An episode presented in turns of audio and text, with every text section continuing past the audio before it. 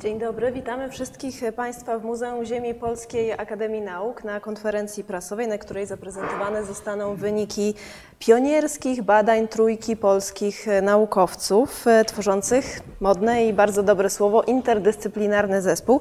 E, Witam wszystkich również, którzy oglądają nas w internecie e, na kanale Wszechnica Fundacji Wspomagania Wsi. Jak wiadomo, to w zespołach interdyscyplinarnych powstają najciekawsze, najciekawsze prace, najciekawsze odkrycia, a temat mamy doskonały, bo zawiera dwa wspaniałe słowa: radioaktywność i skamieniałość, co może być e, lepszego. E, Szanowni Państwo, tutaj przed Państwem autorzy pracy, pani profesor Magdalena Długosz-Lisiecka. Dzień dobry. Dzień dobry. E, Pani profesor jest fizyczką, radiochemiczką z Międzyresortowego Instytutu Badań Radiacyjnych Pols- Politechniki Łódzkiej. Tak. Tam po prawej dr Daniel Tyborowski. Dzień dobry. Dzień dobry. Paleobiolog z Muzeum Ziemi tutejszego Polskiej Akademii Nauk i duchem jest również z nami e, dr Marcin Krystek z Muzeum Geologicznego w Łodzi. E, Jeden właśnie z, też ze współautorów. Niestety nie mógł być tutaj z nami, ale no, oczywiście, że ogląda, więc pozdrawiamy serdecznie pana doktora. Prace i odkrycia e, zostały opublikowane w czasopiśmie Chemosphere. E, Krótki plan spotkania. Teraz Państwo zaprezentują, co udało się odkryć. Potem dobry moment na foto, wideo, ponieważ będzie pokaz promieniowania wybranych skamieniałości. Rozumiem, że będzie się wszystko świeciło i będzie spektakularnie. A później pytania dziennikarzy, rozmowy w kuluarach. Jeśli Państwo oglądający nas w internecie mają swoje pytania, to proszę je również przesyłać. Postaram się e, gdzieś tutaj wpleść w spotkanie. Jeszcze uwaga techniczna. Kto z Państwa dziennikarzy ma ochotę otrzymać w wersji elektronicznej materiały, to tam przy wejściu jest lista, gdzie można wpisać swój adres e-mail. Kończąc ten wstęp, oddaję Państwu głos. Na początek zdaje się dr Daniel Tyborowski. Prosimy. Światła poprosimy. Szanowni Państwo, witam serdecznie jeszcze raz. E, Pozwolę sobie powiedzieć jeszcze takich kilka szybkich słów e, wstępu.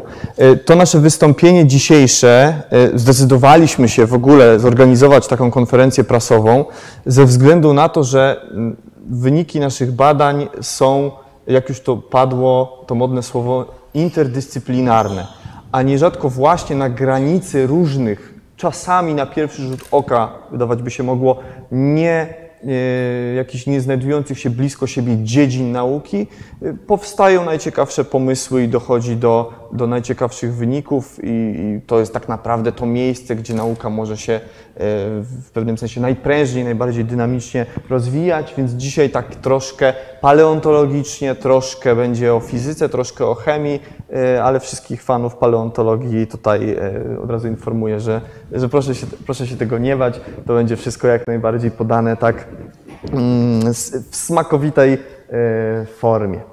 E, Na początek słów e, kilka o e, w ogóle materiale, który my badamy, badaliśmy.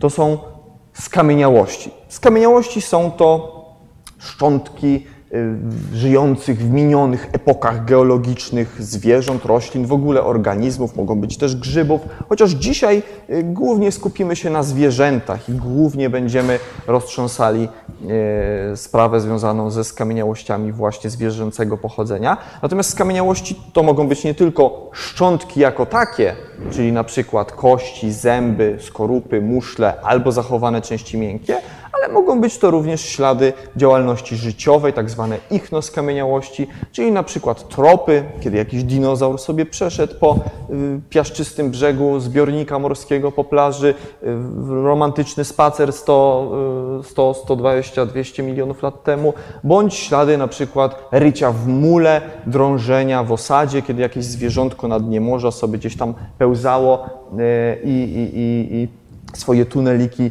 e, drążyło, bądź na przykład kiedy zdobywało pokarm, możemy sobie wyobrazić taką sytuację, że mamy rybę, która na przykład z dna morskiego e, odżywia się jakimiś smakowitymi małżami, bądź innymi e, smakowitymi e, zwierzętami, które tam znajdzie. Więc skamieniałości to nie tylko ten tak naprawdę szczątek, który pozostał po zwierzęciu, ale również wszelkiej maści ślady działalności życiowej.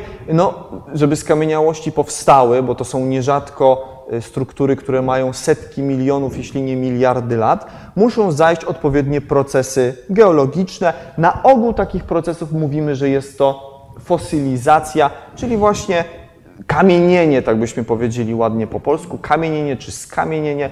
Y, tych procesów fosylizacyjnych może być cała masa, y, natomiast my dzisiaj to będzie miało znaczenie dla wyników naszych badań. Powiemy sobie o jednym, ale o tym będzie za y, słów kilka. Tylko teraz po prostu zaznaczam, żebyście Państwo mieli y, na uwadze, że procesów fosylizacyjnych może być wiele, to mogą być różne procesy fizyczne, chemiczne, natomiast dzisiaj sobie powiemy o jednym wybranym. No i taka ciekawostka przyrodnicza na koniec tej części, że generalnie nauka właśnie o fosylizacji to jest tafonomia y, z greckiego tafos, mogiła i nomos, prawo. Ważny punkt dzisiejszego spotkania to jest to, że będziemy rozmawiali o pewnych nie do końca poznanych do tej pory właściwościach skamieniałości, które być może w przyszłości y, dadzą jakieś, y, jakieś nowe zastosowania, których jeszcze nawet w tej chwili nie znamy. Do tej pory my y, mamy kilka zestawów zastosowań skamieniałości. Y, pierwszy taki, który przeważnie przychodzi wszystkim do głowy, to jest datowanie, to jest określanie wieku. Kiedy mamy daną skamieniałość, y, to możemy na jej podstawie stwierdzić, czy jesteśmy na przykład w Kredzie 100 milionów lat temu, czy jesteśmy w Devonie 300 60, 370 milionów lat temu. Oczywiście nie wszystkie skamieniałości nadają się, żeby datować skały, datować całe stanowiska geologiczne czy paleontologiczne, ale pewna wybrana grupa zwana skamieniałościami przewodnimi już do tego jak najbardziej się nadaje. Tutaj na tej planszy są takie wybrane najważniejsze grupy. Skamieniałości takie jak na przykład amonity, które świetnie e, no, tutaj datują i, i znane są z z najlepiej e, jako skamieniałości właśnie tak zwane przewodnie datujące z ery dinozaurów, z ery mezozoicznej, ale przed erą dinozaurów równie dobrze mogą to być ramienionogi bądź trylobity gdzieś tam, gdzieś tam w głębokim paleozoiku, te 500, kilkadziesiąt milionów lat temu. Tak czy inaczej, nie wszystkie skamieniałości się do datowań nadają. To jest pewna pewna wybrana grupa, jakieś kryteria muszą te skamieniałości spełniać, żeby do datowań się nadawać. I tak samo jak dzisiaj będziemy mówili o radioaktywnych skamieniałościach, tak samo nie wszystkie skamieniałości będą te kryteria radioaktywności spełniały.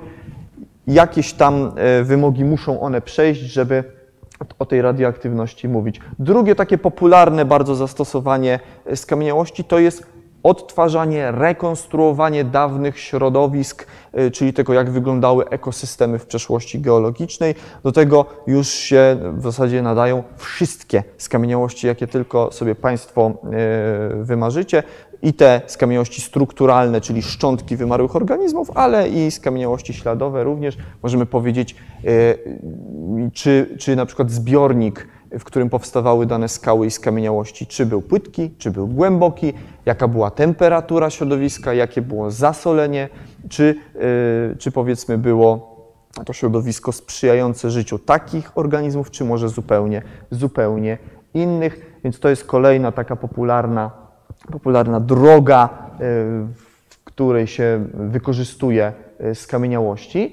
Yy, ale my dzisiaj porozmawiamy o skamieniałościach radioaktywnych y, i to jest taki fragment badań skamieniałości, który do tej pory nie był y, w zasadzie tak konkretnie badany przez nikogo. Oczywiście pojawiały się tu i ówdzie gdzieś tam doniesienia o tym, że y, występują skamieniałości, które w sobie pierwiastki radioaktywne mają. E, natomiast nie było dokładnie badane, dlaczego w ogóle dochodzi do powstawania radioaktywnych skamieniałości. Jak to się dzieje, że ta konkretna skamieniałość będzie w sobie pierwiastki radioaktywne miała, a już jakaś inna nie.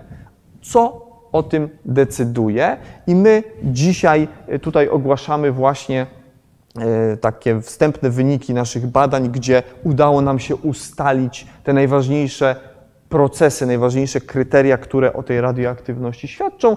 Na tej planszy jeszcze szybciutko chciałem pokazać, żebyście Państwo nie myśleli, że badania izotopów radioaktywnych to jest generalnie coś nowego, bo w paleontologii generalnie badania takie chemiczne czy geochemiczne się stosuje.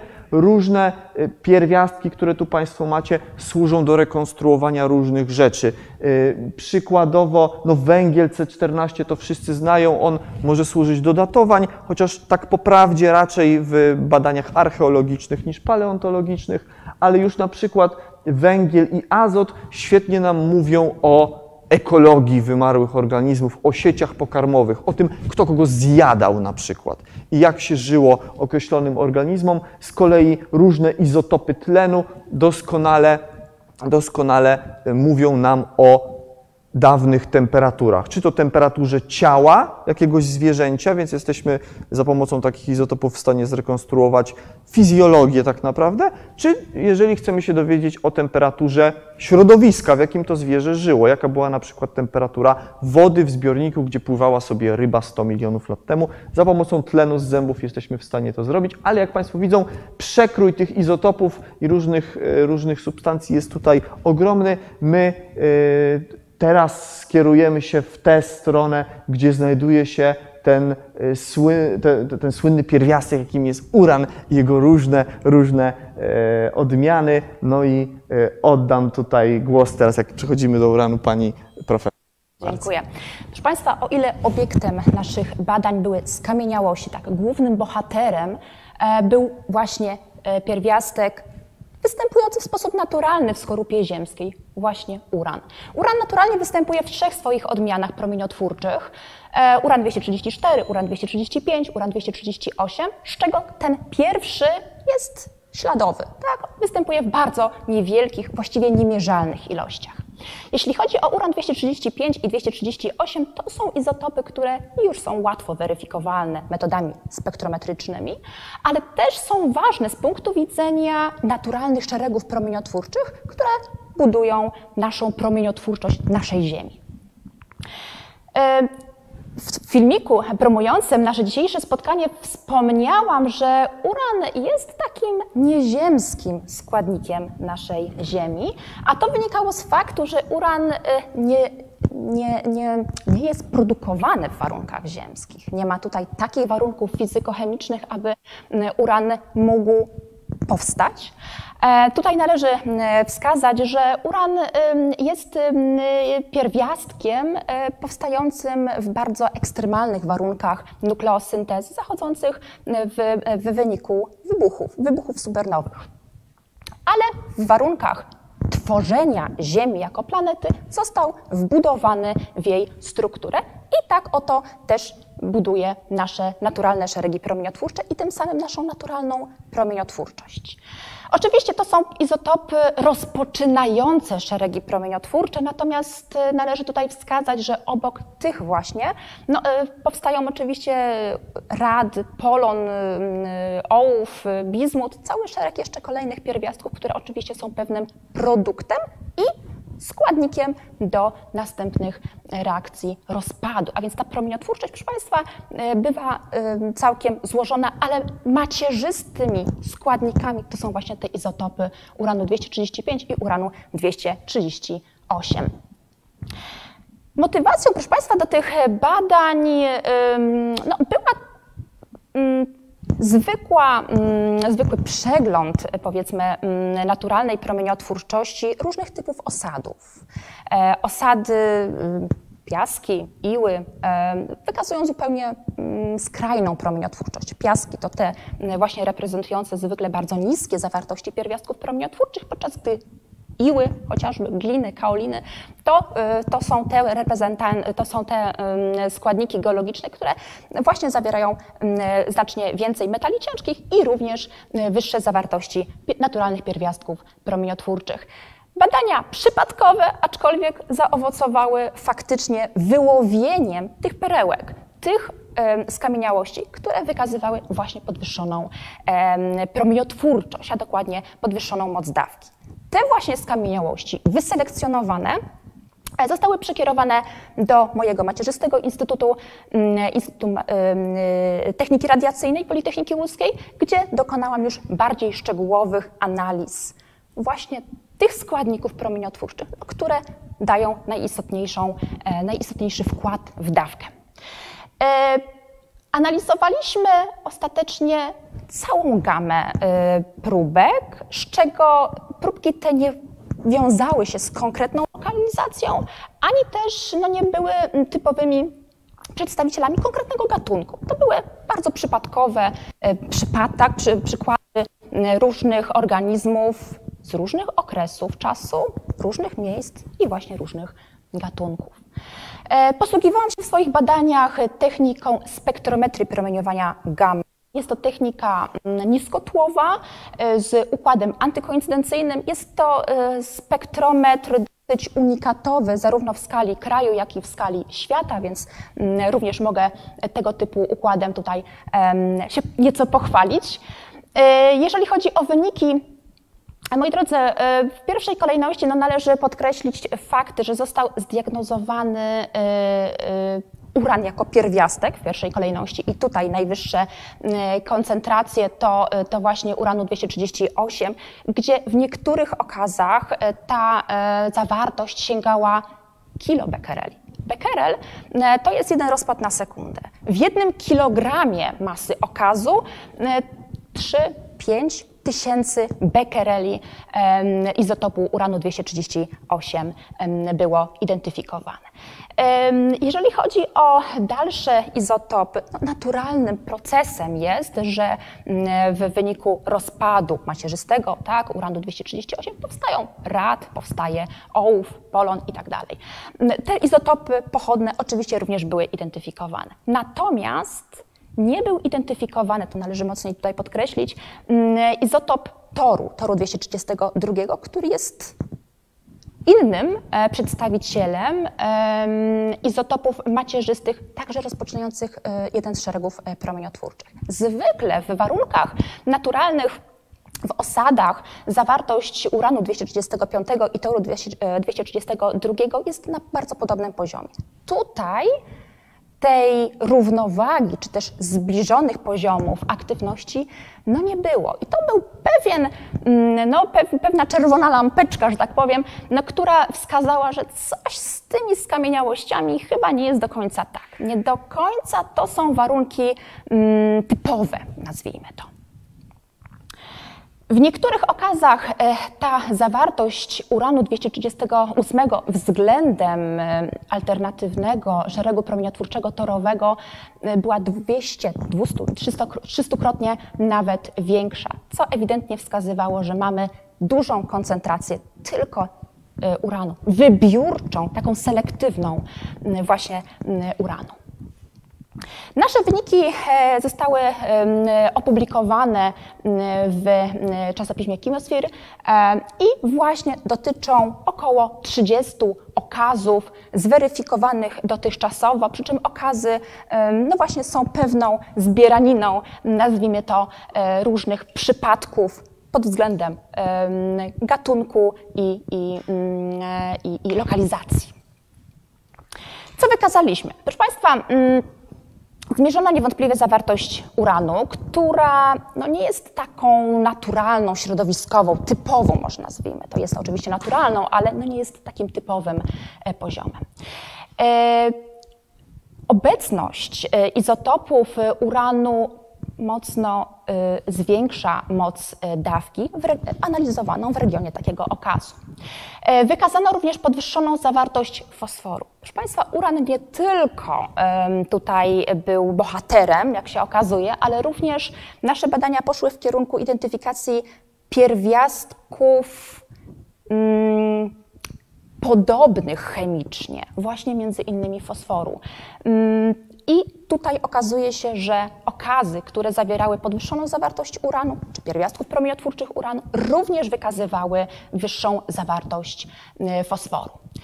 E, również w e, Instytucie Techniki Radiacyjnej wykonywałam analizy e, skaningowym mikroskopem elektronowym, gdzie uwidoczniłam czy zweryfikowałam dobrze zachowane tkanki wewnętrzne takich skamieniałości, co potwierdza właśnie obecność takiej pełnej fosylizacji, tak, pełnej, pełnego zachowania i, i, i pewną korelację właśnie pomiędzy fosforanami i uranem. Tutaj kilka zdjęć właśnie spod mikroskopu obrazujących utrwalone tkanki wewnętrzne. I perspektywa, proszę Państwa, na przyszłość, żeby już troszkę skrócić e, prezentację. Powiem tylko szybciutko, że oczywiście mamy dalsze plany naukowe e, i będą e, dalsze badania realizowane w kierunku być może diagnozowania również falsyfikatów, bo okazuje się, że no, ta naturalna promieniotwórczość, czy zwiększona promieniotwórczość może również nieco przesądzać o tym, czy mamy do czynienia z prawdziwym okazem, czy takim sztucznym, wyprodukowanym, nazwijmy to. E, no, niewątpliwie możemy również e, dalej poszukiwać unikatowych skamieniałości posługując się po prostu radiometrią jako taką pierwszą techniką mm, do monitorowania obecności na przykład właśnie uranu i być może e, zaowocują te badania także bardzo już zaawansowanymi badaniami chemicznymi, identyfikującymi ten dokładny mechanizm e, akumulacji e, uranu i formę chemiczną, w jakiej ten, ten uran e, występuje. I tutaj jeszcze na koniec adresy e-mailowe do ewentualnego kontaktu. Bardzo dziękuję. Bardzo dziękujemy Państwu. Y, czy ktoś z Państwa tak ogólnie chciałby zadać pytanie? Nie w internecie. I co pytań?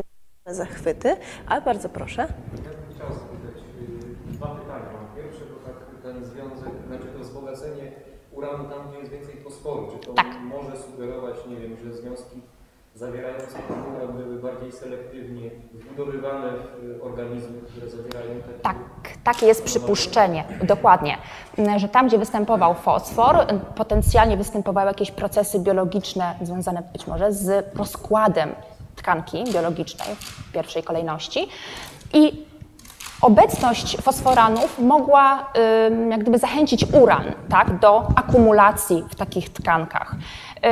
Oczywiście tutaj należy wziąć pod uwagę dwa czynniki, to znaczy muszą być te związki e, fosforu, ale z drugiej strony musi być dostępność uranu w danym osadzie. Czyli jeśli mamy skałę wapienną, powiedzmy czystą pod względem zawartości uranu, to nie spodziewajmy się, że w skamieniałościach, tak, w takiej skale wapiennej, no, będzie również ta koncentracja. Tego uranu po prostu nie było w okolicy, więc no, nie, nie został on zatężony. Jakie skamieniałości y, badaliście, gdzie mówiła Pani, że, że stwierdziła Pani dobrze zachowane tkanki wewnętrzne? Co, co to było? To był amonit i małż. To były tak, to były mięczaki z Francji jurajskie, te, które były pokazane yy, i one były wszystkie sfosfatyzowane. I tym głównym właśnie procesem, który doprowadzał do dopływu, bo to dla Państwa, którzy nie wiedzą, yy, generalnie powiedzmy amonity, małże, mięczaki raczej fosforanowej muszli nie mają, tylko mhm. raczej węglanową. Yy, I warunki środowiskowe były takie, że zachodziła tam fosfatyzacja i, i te tkanki miękkie, między innymi mięśnie były małżów zachowane, yy, uległy fosfatyzacji, a fosfatyzacja to jest jeden z tych głównych procesów, który w ogóle prowadzi do zachowywania się miękkich tkanek. Nie jedyny, ale powiedzmy jeden z takich najpowszechniejszych do tego stopnia, że w różnych słynnych yy, stanowiskach paleontologicznych typu Lagerstätte, jak tam Zollenhofen czy innych, jak mamy do czynienia z miękką tkanką ryby albo kogokolwiek innego mięczaka, to ona będzie przeważnie zachowana poprzez fosfatyzację, y, chociaż też i w kościach, które naturalnie są fosforanowe, kości i zęby, y, tam również na przykład megafauny pleistoceńskiej. W naturalnych kościach występuje apatyt. To jest również forma zawierająca fosfor. Oczywiście również akumuluje kości Będą tutaj przykłady e, dzisiaj prezentowane. E, również to są przykłady, gdzie ta e, koncentracja uranu jest znacznie podwyższona. Chociaż to też potem od środowiska będzie zależało Oczywiście. ostatecznie. Czyli generalnie polega to na tym, tak na ludzkie nie, nie porozumiewają się naukowym językiem. Czyli w zależności od tego, w jakim środowisku przebywał, to wtedy zależy, czy będzie promieniował, czy nie, tak? Tak. tak. Muszą być pewne warunki środowiskowe spełnione, aby do, tego, do tej akumulacji uranu... Tak?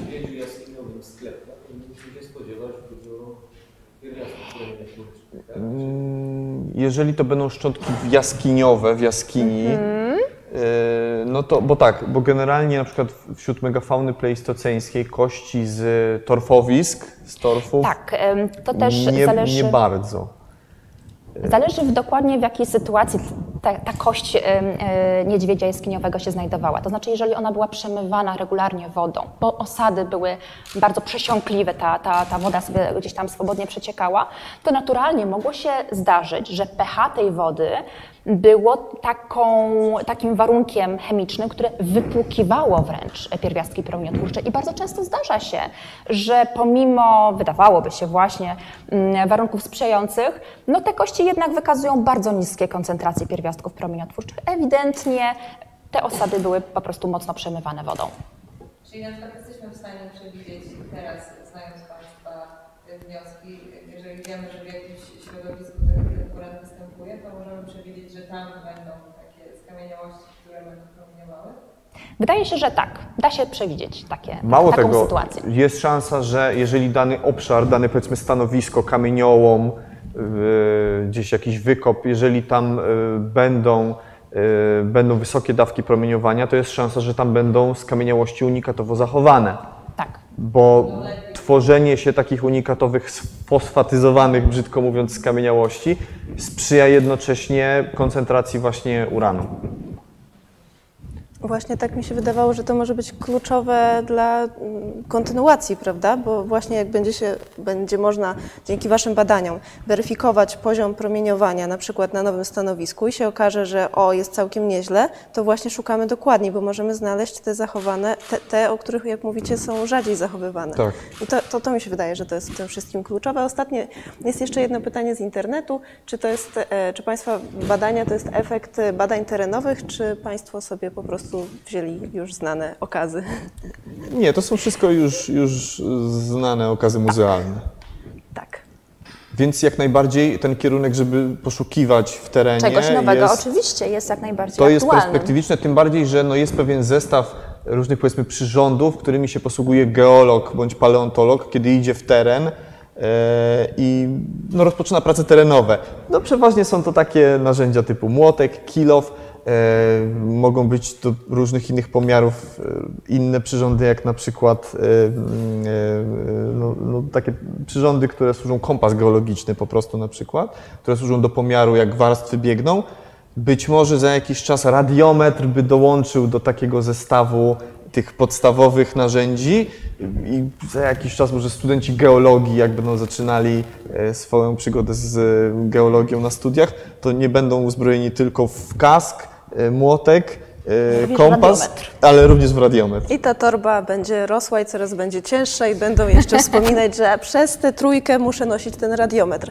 E, dziękujemy za pytania. To chyba jest dobry moment na prezentację e, promieniotwórczości naszych tutaj Oczywiście. okazów. Bardzo prosimy panią profesor przede wszystkim. Dobrze, oczywiście.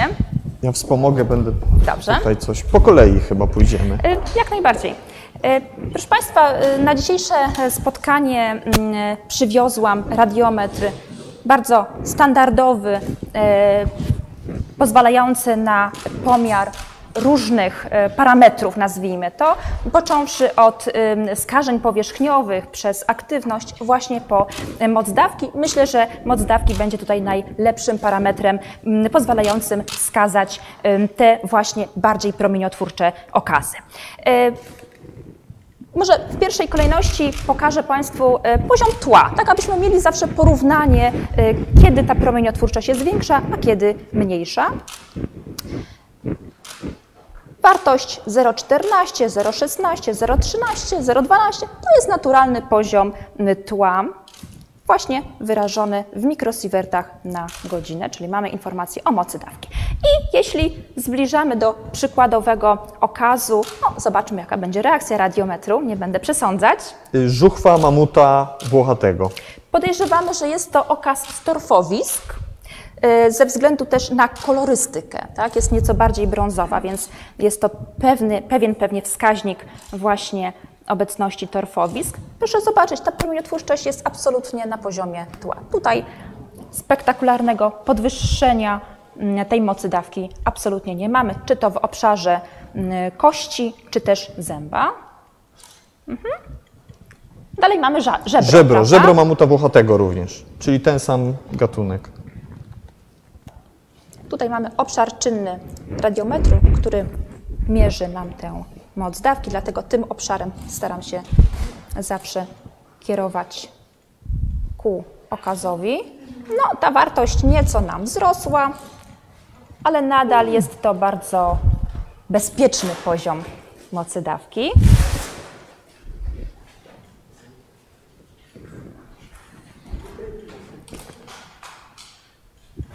Dobrze. Dalej mamy. Paliczek mamuta włochatego cały czas. a, Okej. Też Paliczek, czyli kość z, z palca. nadal jest to nieco brązowa struktura. Absolutnie, prawda? Jest to zupełnie niski poziom mocy dawki.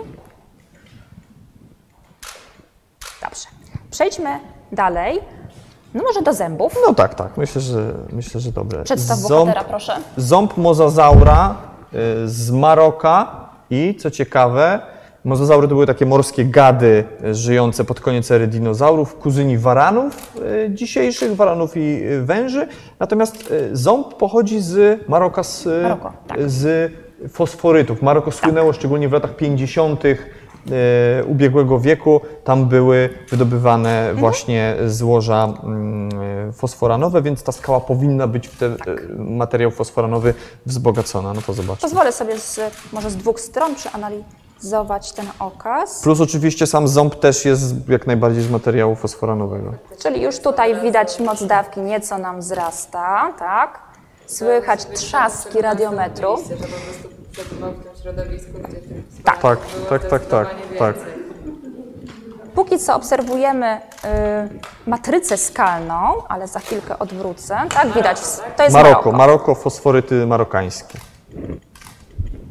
I Tam może koło kilka, no powiedzmy z 70-80 milionów lat. I od strony ząbka Od również. strony biznesowej. jak ja to mówię. Mamy tutaj również wzrost mocy dawki. No, wydawałoby się, że jest ta matryca skalna, która być może ona y, przechowuje, że tak powiem, nam. Y, dlatego przejdźmy już do okazów y, To też bez jest. matrycy skalnej. Niech, niech Aha, troszkę aha. Z, zredukuje się tutaj wartość To, wskazań. jest, to są. O, nie? mamy, to, dobra. To to jest też Maroko. Ząb, teraz zęby rekinów. Tu jest seria ładna zębów e, Dokładnie. rekinów. Rekin się nazywa Otodus z paleocenu, czyli powiedzmy tam no, ma 50 kilka milionów lat.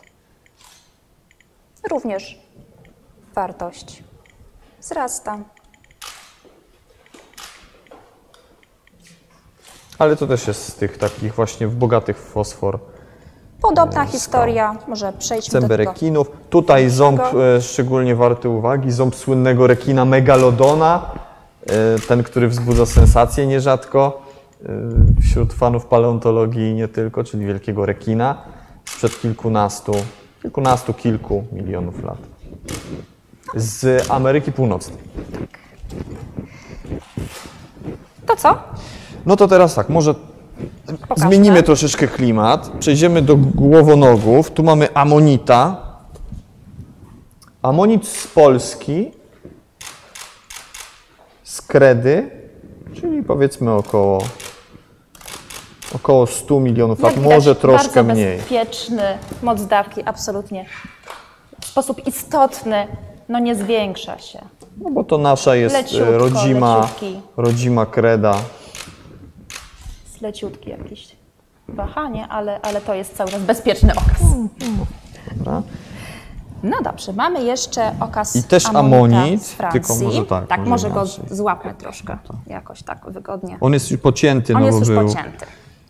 Siekany. To też jest amonit, tylko to jest właśnie okaz francuski, jurajski, czyli około 160 milionów lat, yy, sfosfatyzowany. Tak, tak.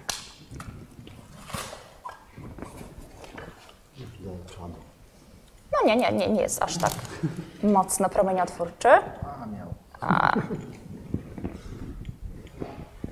Jakieś leciutkie wahania wykazuje.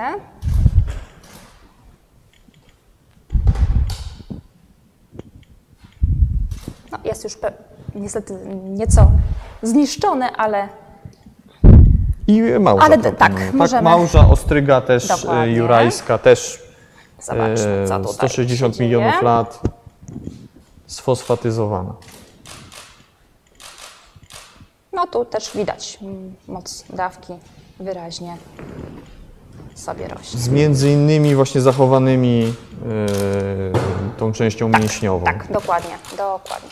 Czyli częściami, które normalnie się zazwyczaj nie zachowują, a raczej, no powiedzmy, bardzo rzadko się zachowują. Tak. I belemnit? To be belemnit. Belemnity, tak jak amonity, głowonogi, yy, głowonogi z ery dinozaurów, znane głównie. Yy, amonity tylko przeważnie zwinięte spiralnie, belemnity, tak podłużnie, trochę jak kałamarnice. Również niski poziom, więc całkowicie To teraz proponuję bezpieczny. dla porównania na przykład kość Dobrze. zupełnie współczesna, czyli kręg wieloryba. Zobaczymy, co będzie miał do powiedzenia.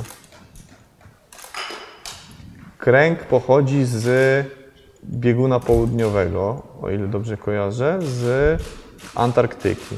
Bezpieczny, całkowicie. Poziom tła, więc jest całkowicie bezpieczny. To jeszcze I, I jeszcze kostki pleistoceńskie. Ząb mamuta, znowu cios mamuta Mhm. i potem się e, kawałkiem nóżki.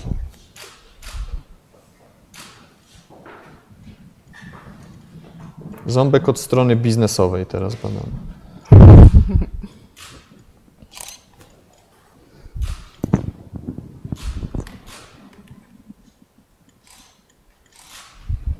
No tu spada. tak spada. Z tej strony spada, z tej jakieś lekkie podwyższenia tylko. Dobrze, przejdźmy dalej. Cios, Cios mamuta, czyli ząb przedni.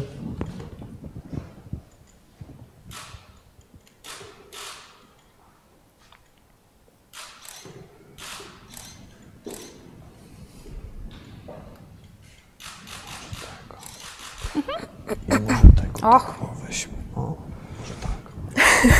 Klejony. To również mamut włochaty.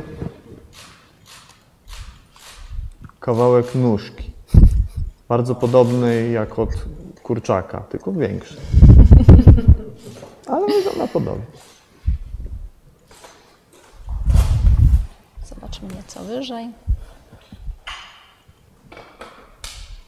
No nie, tutaj jest troszkę niższa wartość niż na tej główce.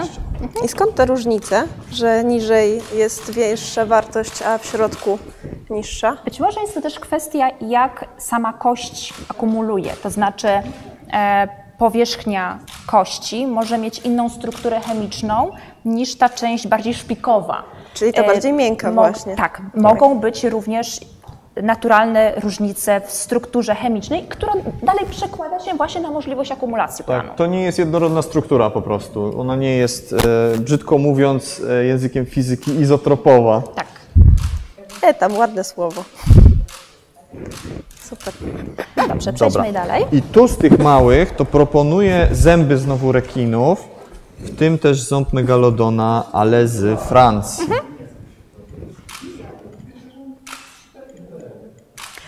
Polskie okazy zwykle nie wykazują podwyższonej promieniotwórczości z racji też faktu, że w Polsce obszarów bogatych w uran czy w tor jest stosunkowo niewiele. To jest głównie pasmo e, kotliny jeleniogórskiej, gdzie takie zasoby uranu występują, ale to jest znowu struktura powulkaniczna, więc tam de facto osadów i tym samym skamieniałości praktycznie nie ma w ogóle.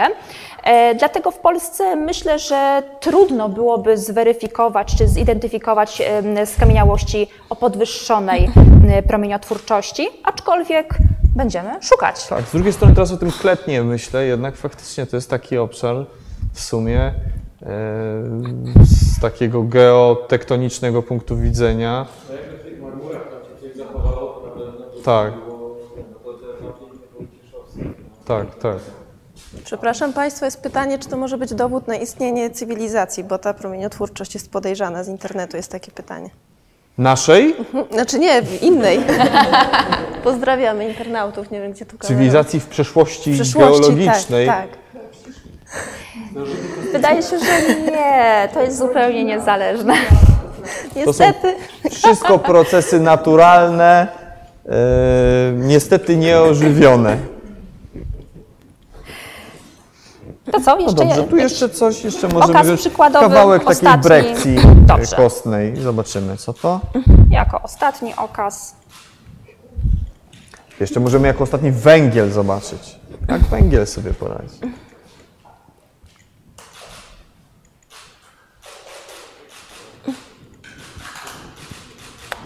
No nie są to jakieś tam porażające Brekcja wartości. kostna, ale to raczej takie pustki po tych kościach. A to jeszcze węgiel, zobaczmy. Dobrze. To taki bardzo polski akcent na koniec. Potwierdzamy, że w Polsce pod względem promieniotwórczości tak, jest bezpiecznie. Raczej to są niskie. Czyli generalnie w miejscach, gdzie występować mogą unikatowe skamieniałości, gdzie zaszła fosfatyzacja, czyli właśnie pierwotna substancja była wzbogacona bądź zastąpiona przez e, materiały fosforanowego pochodzenia, jak najbardziej można by się takich radioaktywnych e, e, tak spodziewać. A że właśnie fosfatyzacja najbardziej jest znana z, z tych miejsc takich światowej sławy stanowisk, no to myślę, że jest to ciekawe, otwiera nam drzwi do ciekawych, zupełnie nowej, taka nowa furtka spojrzenia na tę paleontologię. Efekt szukania tych miejsc, nie? Bo skoro wiemy, że w danym miejscu może... Teoretycznie tak, znaczy ja bym bardziej na to popatrzył, bo zwykle jak już idziemy w teren do danego miejsca, y, to my z grubsza się spodziewamy, co tam znajdziemy, natomiast myślę już tak na miejscu będąc, jak chcemy poszukać w której na przykład warstwie dokładnie. To nie jest tak, że jak jedziemy do danego miejsca, mamy 60 metrów albo 150 skały, no i teraz jak jesteś tam pierwszy raz, to jest jakieś miejsce niezbadane, no to nie wiadomo, to można, przelatujemy radiometrem, mniej więcej to powinien być prognostyk tego. W taką stronę powinno iść nasze myślenie. Tak. Zdecydowanie, zdecydowanie. To? Aha, tak, tak, tak, tak. Udźwignie pani? Ale chce pani tak. y, no, tro, znaczy, no tak. Może tak. Może żebro albo to, czy. Kręg jest ten kręg. Krę, kręg jest leciutki. O, to, to jest leciutkie. No. To może żebro i cio, albo właśnie. O, żeberko.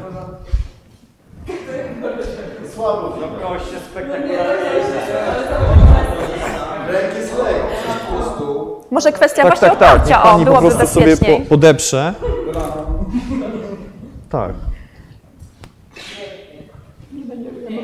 Tak. Ponieważ to są fazy nasze, Tak. to będzie Pan mógł uprzejmie policzyć je i później do mnie napisać, ile Pan wziął okazów. Ale ja je tu schowam, teraz one tu trafią. Tak? Nie o to chodzi, że Pan je schowa, ale ja chcę wiedzieć, A, dobrze. było. Dobra, dobra, dobra, dobra. dobra. Ten kręg, jeżeli to jest nasz Już była klejone, jak widać. A, ze Spitsbergenu. No dobrze, to. Arktyka jest... Okej, Daleko. tak, faktycznie, faktycznie. Tak, tak, tak. Tak, tak. Jeden okaz do, y, wraca do was do budynku z Opnegalodona, ale to wszystko po kolei. Tak, mamut, Bo mamut, reszta tak. Jest stąd. I część to są takie... Tak jest.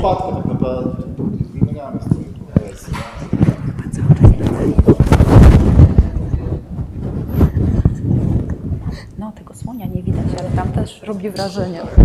Dobrze, dobrze. Tak, to ja mogę tutaj do kamery. tak, 21. Tak, tak. Tak.